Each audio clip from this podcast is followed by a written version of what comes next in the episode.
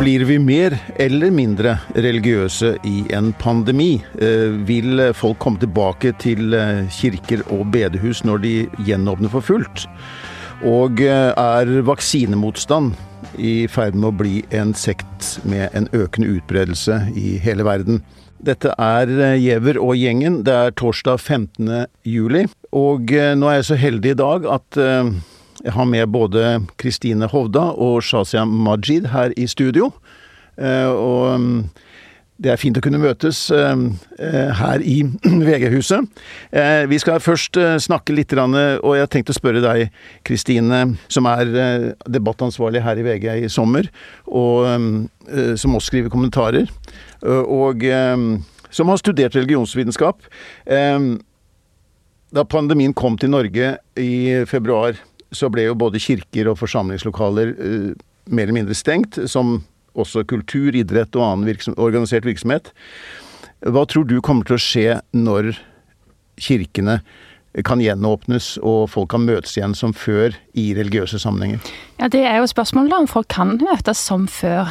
Fordi eh, det med denne pandemien har jo satt en støkk, en i mange når det gjelder det med som å være fysisk sammen. Um, og restriksjonene rundt hva som er lov og hva som ikke er lov, det, det, er nok ting som kommer til å endre seg varig, tror jeg. Uh, et annet spørsmål er jo hvorvidt folk kommer til å komme tilbake igjen til uh, disse kirkene og forsamlingshusene. Fordi um, det er jo på en måte den store skrekken for religiøse ledere nå, at folk har blitt så vant til å være på eh, ja, hjemme i stua si, eller, eh, eller, også for så vidt delta i, i digitale religiøse arrangement, at de syns det er så hyggelig at de heller ser ikke helt poenget med å komme tilbake igjen. Så vi kan nok vente oss eh, si, holdningskampanjer og, og framstøt fra religiøse organisasjoner framover, at folk må komme tilbake igjen. Men, eh, men, jeg er ikke helt sikker på om det kommer til å skje i, i så stor grad som som det har vært før pandemien. En annen ting som er interessant med det, det er at eh, F.eks. i USA da, så har vi i, i, i de siste tiåret sett at folk eh, på undersøkelser sier at de blir mindre religiøse. Eh, og at det er veldig mange som forlater organisert religion. Eh, det er nok i ferd med å snu nå. Eh, og det kan det godt være at pandemien er en, en utløsende årsak til. Altså at, eh, så vi, har på en måte to trender som skjer samtidig. Det ene er at mange forlater eh, organisert religion, og samtidig så er det mange som blir mer religiøse. Vi har vel sett sånn opp gjennom historien at religiøs tro eh, har blitt styrket i situasjoner hvor det er forfølgelse, hvor det har vært naturkatastrofer, også epidemier. Um, og eh, så har man sett at eh, den religiøse tilknytningen av troen kanskje har blitt svekket når man opplever trygghet og velstand, forutsigbarhet i tilværelsen. Vi har sett den sekulariseringen i Norge og i veldig mange andre vestlige land, hvor, hvor, på en måte det er så trygt, og, og, da blir på en måte religionen mindre viktig, og kanskje at dette med likegyldighet er et større problem for eh, kirker og andre trossamfunn enn en, en, en mye annet. Og vi har jo sett også at kirken i Russland f.eks. den overlevde fint kommunismen og kom sterkt tilbake. Vi ser kirker i Kina hvor det også er Hvor partiet er mot religion, egentlig, og, bare tillater under veldig kontrollerte former. At det, at det vokser med antallet kristne. Det kan vel da tenkes at en sånn krisesituasjon som vi har vært gjennom, kan bli, skape en ny religiøsitet? Vet ikke? Helt klart. Eh, jeg leste nettopp en, undersøkelse som var gjennomført i Tyskland, der eh, der kristne som er allerede ganske aktivt kristne, de, de, de, viser tegn på at de ber mer. Eh, og at de er mer opptatt av troen. Det, noe av det samme så har han, har han sett i, i i muslimske trossamfunn i Norge. Eh, vårt land har snakka med muslimer som sier at de ber mer, selv om de da ikke har kunnet gå til moskeen. Eh, men den undersøkelsen i Tyskland viste også at folk som da ikke er religiøse, um, ikke blir noe mer religiøse. Så, så det viser som at det, det, er som det blir en slags eh, ikke, Jeg vil ikke sagt kanskje polarisering, men jeg vil si kanskje at folk da i løpet av dette snart halvannet året, når folk har vært nødt til å være hjemme, eh, kanskje har tenkt mer over hva, hva betyr noe for meg, hva er viktig for meg, hva tror jeg på. Så det med, med krise eh, eh, Bare for å ta liksom det, kanskje det klassisk, mest klassiske eksempelet, altså holocaust. Um, mange mista jo troen totalt etter holocaust. Altså hvordan kan man tro på Gud når, når, når noe sånt som dette skjer? Mens andre da på en måte Dette ondets problem som mange, mange religiøse sliter med, altså hva, hvorfor skjer det vonde? Eh, andre da knytter seg kanskje mer til en tro fordi de tenker at det er menneskene som, som er skyld i den ondskapen. Så det, det, er liksom veldig mangefasettert, dette her. Um, og etter pandemien, så nå er vi jo midt inne i, i en uh, periode der vi ser veldig mye naturkatastrofer. Klimakrisen det er liksom ikke grunn til å tro at verden kommer til å bli noe roligere fordi om pandemien tar slutt. Så jeg tror jo ikke at folk kommer til å bli mindre religiøse framover, kanskje snarere tvert imot. kanskje tror... det tar andre former? Kanskje ja, de eh, blir mer opptatt av eh, at de ikke eventuelt går inn i en menighet eller inn i en, en religiøs sammenheng, men mm. Eh, har sin egen form for religiøsitet, eller, eller kanskje at de knytter seg til andre samfunn? Ja, altså kombinasjonen da av at folk ikke kan møtes, og at man har et behov for å stille eksistensielle spørsmål. Pluss at vi har en, en, en digital revolusjon sant, som, som, har blitt allemannseie i, i løpet av pandemien. Um, når, når, man snakker om ting som er veldig viktig for en, og samtidig er sårbart for en, så er det naturlig at man søker til folk som tenker det samme. Og da finnes jo de på internett. Eh, og det gjør nok at, eh, at religiøse ledere får mindre innflytelse enn før, tror jeg. Ja, og på internett så fant jeg en litt interessant artikkel i katolsk.no, hvor eh, man snakket om dette med at eh, tidligere så ble jo ofte pandemier oppfattet som at det skyldtes at Gud skulle straffe menneskene for deres synder, eh, men at dette i nyere tid er en slik tolkning nesten blitt fraværende, sa professor Hallgeir Elstad ved Teologisk fakultet på Universitetet i Oslo til katolsk.no. Og pave Frans også snakket om dette i en tale fra, på Petersplassen om at korona ikke var Guds dom over menneskeheten, men Guds formaning til oss om å finne ut hva som er viktig i våre liv, og leve deretter. Og dette er jo på en måte at eh, det handler jo om en slags endret gudsbilde, da, nærmest, hvor Gud er nærværende i lidelsen, men ikke på en måte gjør dette for å straffe menneskene. Er det, er det, endrer det noe på vår oppfatning av, eller troendes oppfatninger av Gud? Igjen så tror jeg at det foregår en polarisering. Eh, jeg tror at det er folk som er opptatt av at Gud skal straffe menneskeheten, og at eh, endetiden nærmer seg, de har fått vann på mølla. Eh, men jeg tror også at, at fordi at eksistensielle spørsmål er blitt viktig for mange, så er det mange som ikke kjøper akkurat den fortellingen, og da, da blir det også viktig å kunne forklare det vonde på andre måter, da. Eh, Kristine, dette her er jo Sommeren er jo en festivaltid, og det er en tid hvor mange møtes på store stevner og sånn. Også eh, kristne menigheter. Eh, jeg, eh, jeg, I min tidlige tid som journalist jobbet jeg i Vårt Land, og jeg reiste rundt på sommerstevner eh, til forsamlinger og organisasjoner jeg ikke visste fantes fra før. Og eh, det er jo en høy... men hvordan fungerer det i, ja, i fjor sommer, og hvordan er det i år? Denne sommeren her? Det er vel mye av dette som vanskelig kan la seg holde, og det har vel en del å si for uh, organisasjonene, det òg? Helt klart. Altså um, Sommeren er jo agurktid for, for, politikere, kanskje, men det er høysesong for eh, religiøse organisasjoner. Så i fjor så var jo alt stengt. Uh, I år så er det en del som har avlyst, en del som gjennomfører digitalt og fysisk, og en del som, som kjører på sånn som før. Men, men der ser man også de samme trekkene, altså som, som vi snakket om, at det, er det på en måte sånn at folk er nødt til å samles på den måten de gjorde før? Vil folk det? Tør folk det? Eh, klart en, en, kuriositet men når, når, det kommer til religiøse eh, samlinger, er jo dette med at sang er en så viktig del av, av eh, utøvelsen av religion for mange. da, og, og sang vet vi jo, det er jo en sterk eh, årsak til smitte. Og det er kanskje også noe av grunnen til at vi har sett en del smitte i religiøse forsamlinger. Eh, og samtidig så har det vært eh, mye protest fra religiøse eh, ikke bare ledere, men også altså vanlige troende, som har protestert på at kjøpesentrene får holde åpent, men, men, men, folk får ikke samles til, til gudstjeneste eller til, til bønn, da.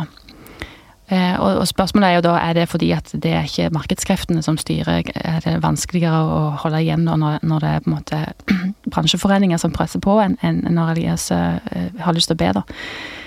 Så det er, det er sammensatt, alt dette her. Og, og, hvis man nekter folk å synge, så nekter man de også en form for, for utøvelse av tro. Samtidig så, i, i, tillegg, så er det jo en del folk som eh, som utfordrer troen til sine religiøse medfeller og sier at man kan, tror ikke at Gud kan beskytte deg mot smitte. Og det har jo også ført til en del vanskelige situasjoner når man da vil samles, og, og ja, tror du ikke nok på Gud da, hvis, hvis du blir hjemme? Det er jo det er en sånn tricky ting som religiøse mennesker da må ta stilling til i dette. Ja. Ehm, det er, jo, det er jo naturlig at eh, antallet dåp, andre kirkelige handlinger og sånn har gått veldig ned nå fordi det har vært vanskelig å gjennomføre. Vi har også sett over tid at antall som, har, som går jevnlig i kirker og sånn har gått ned. I hvert fall i det som er lett målbart i Den norske kirke. Så er det vel en del av de som også finner et åndelig liv i andre sammenhenger og i andre forsamlinger enn de gjorde før.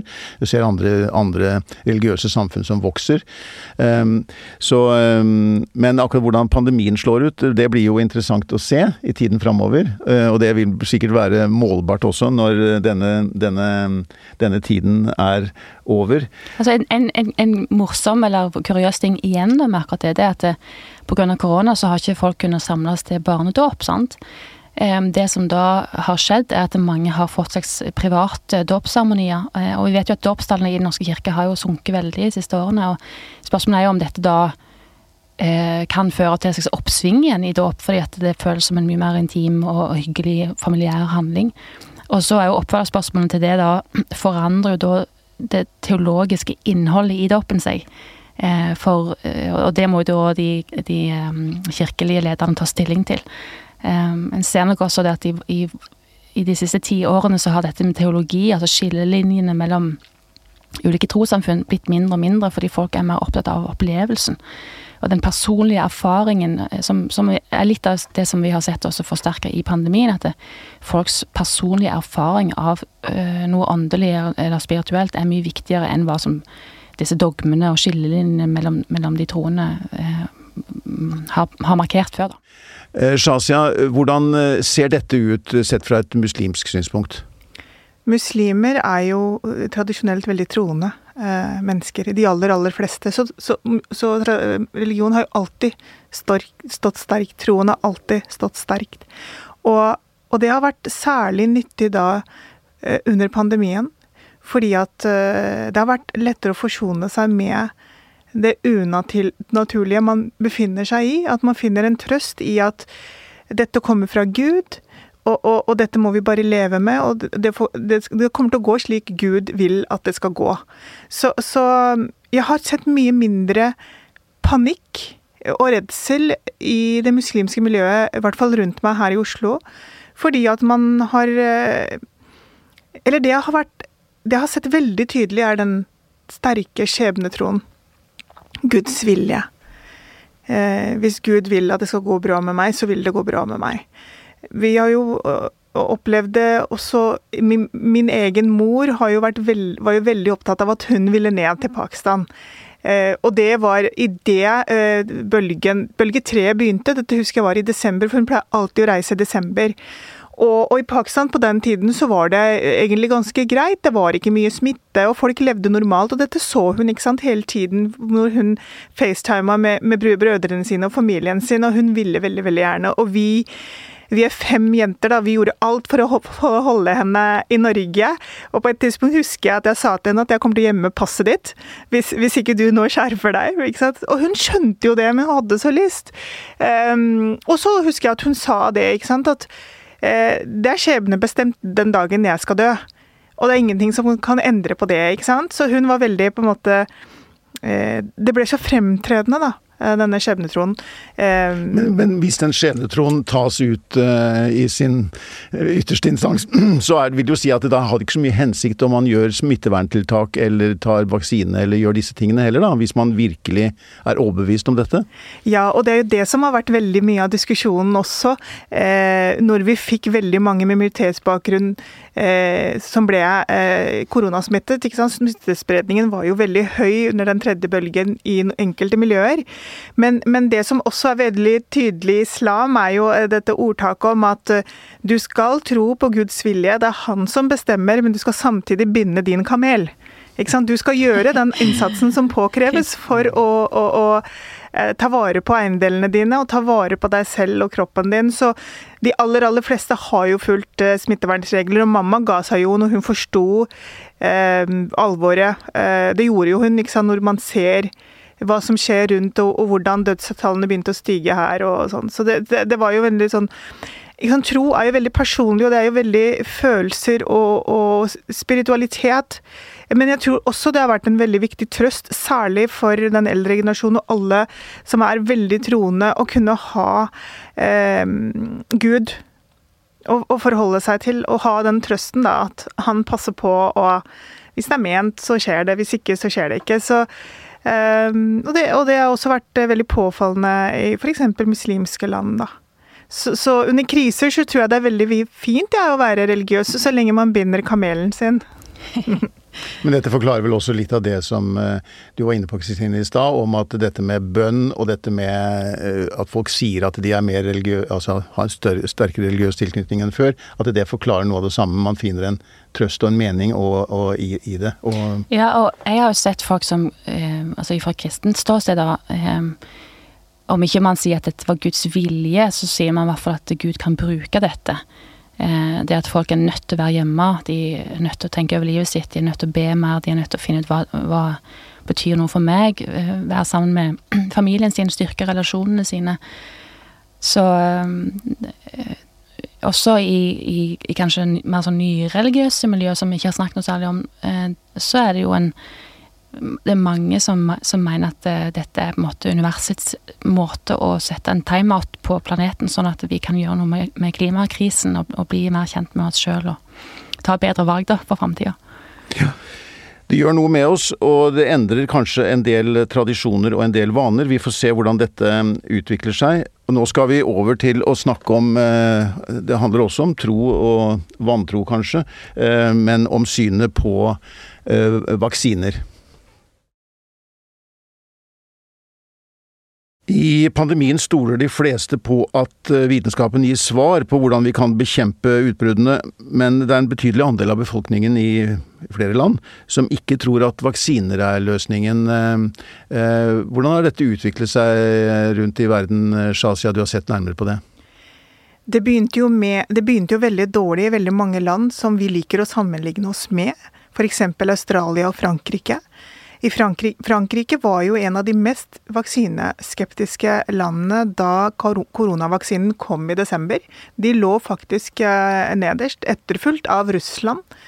Eh, jeg tror så mange som 60% ikke ville ta vaksine.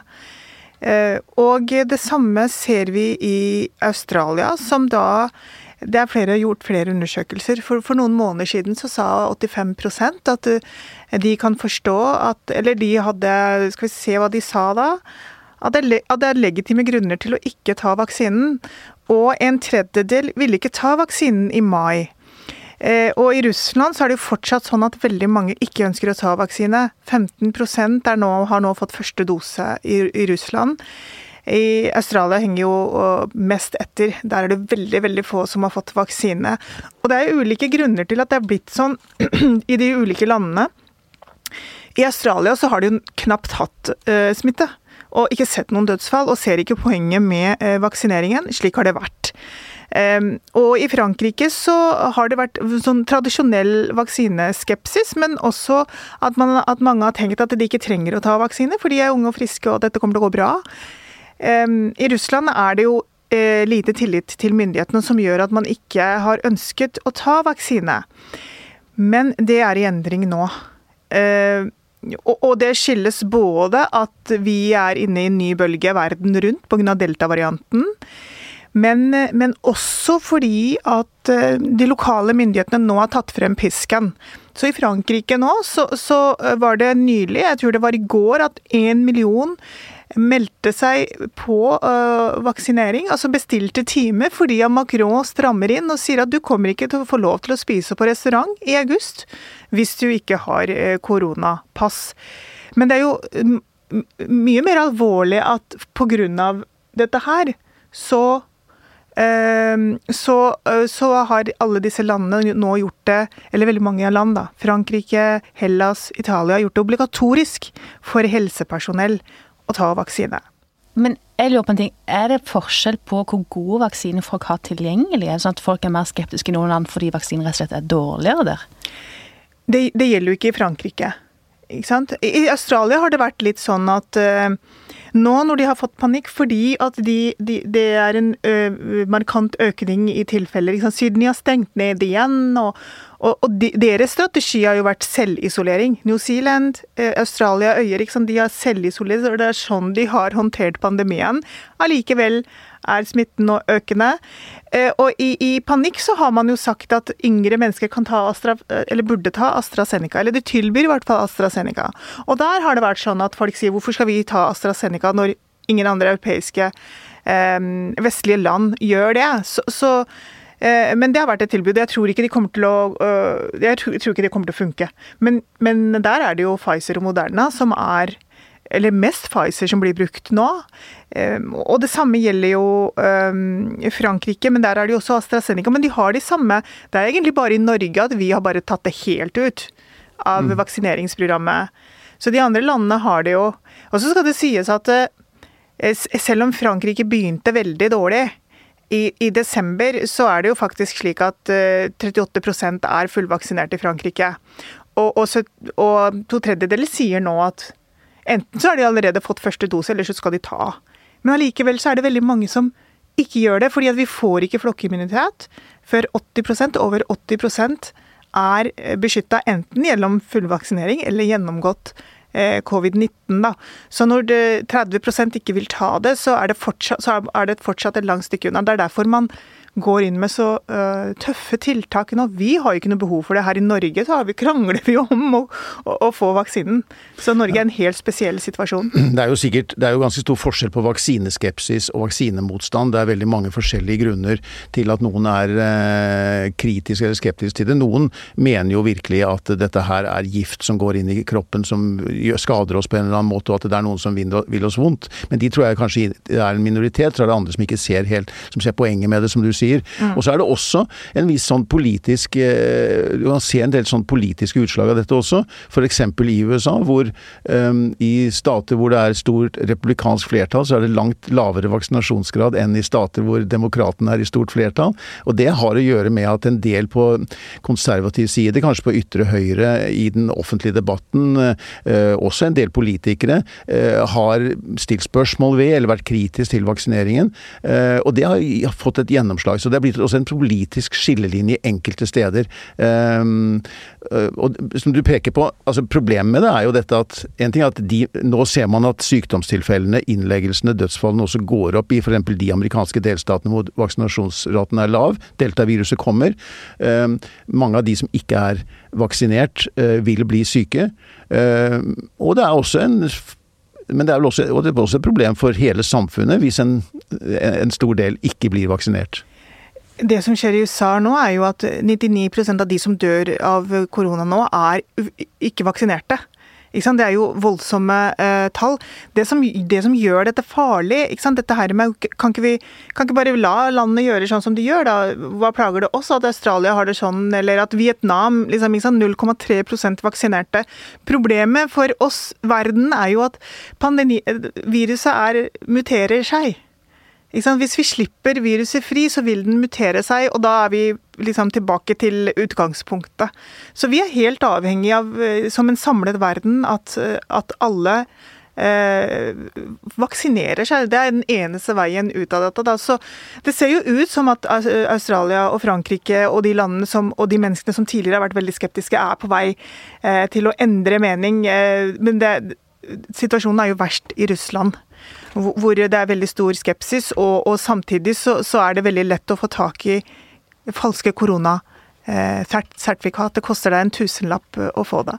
Så nei, det er ingen vei ut eh, utenom gjennom vaksinering. Og jeg tror ikke vi skal satse på naturlig flokkimmunitet. Det vil eh, ta altfor mange menneskeliv og ruinere økonomien.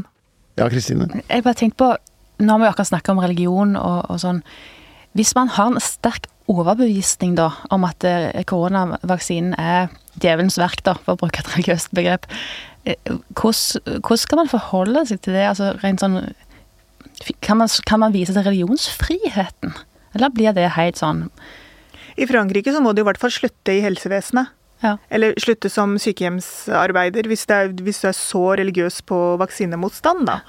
Så, men det er jo faktisk sånn at det er veldig få som er på det nivået av de som er eh, vaksinemotstandere. De fleste er jo fordi at de, de bare tenker at nei, dette kommer til å gå bra. Og så skjønner de på det tidspunktet at nei, det tror jeg ikke kommer til å gjøre.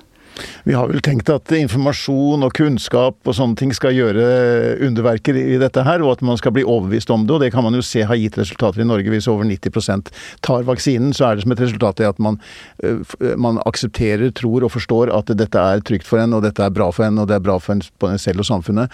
Men, men vi er alle i samme båt, og hvis dette eksisterer andre steder i verden og muterer, så er det et problem for oss alle. Det er ikke noe særlig tvil om. I, i Afrika er den situasjonen at eh, bare 1% av befolkningen er blitt vaksinert. Det er ikke fordi at de har motstand mot vaksiner, men det er fordi at de ikke har hatt eller fått vaksiner. Eh, og det er kanskje det, et av de største problemene akkurat nå. Eh, at eh, store deler av verden i veldig liten grad er blitt vaksinert så langt. Ja, altså f.eks. Namibia da, har fått 24 000 AstraZeneca-vaksiner i april. Det er det de har fått.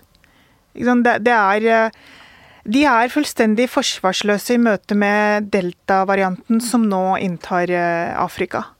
Og, og, det kommer til å eh, Ja, man, man, tør nesten ikke tenke på hva som kommer til å skje. Vi ser jo det nå i Indonesia i Asia, som er det nye episenteret for koronasmitte. Og der ser vi nå samme bilder som vi så i India, med folk som står i kø og, og, og sitter og ligger utafor sykehusene, og, og det er køer, og man får ikke tak i oksygen. Så dette er ikke over, og, og da, da, da, virker det liksom litt vondt å tenke at vi, vi har eh, i deler av verden eh, folk som får kastet vaksiner etter seg, men som velger å ikke ta eh, den vaksinen. Det er vanskelig å forstå. Vi har fortsatt en lang vei å gå, men denne episoden er eh, kommet til ende. Ehm, jeg skal minne om at eh, Gjever og gjengen fortsetter i hele sommer, og i morgen så har vi en, den første episoden av vår sommerserie om og med ledende politikeres spinndoktorer. Og i morgen er det Sigbjørn Aanes som eh, var Erna Solbergs nærmeste rådgiver. Ehm, I dag har Kristine Hovda Shazia Majid og jeg, Per Olav Ødegaard, vært her i studio sammen med Christian Konglund, som er vår vaktsjef og produsent. Takk for nå.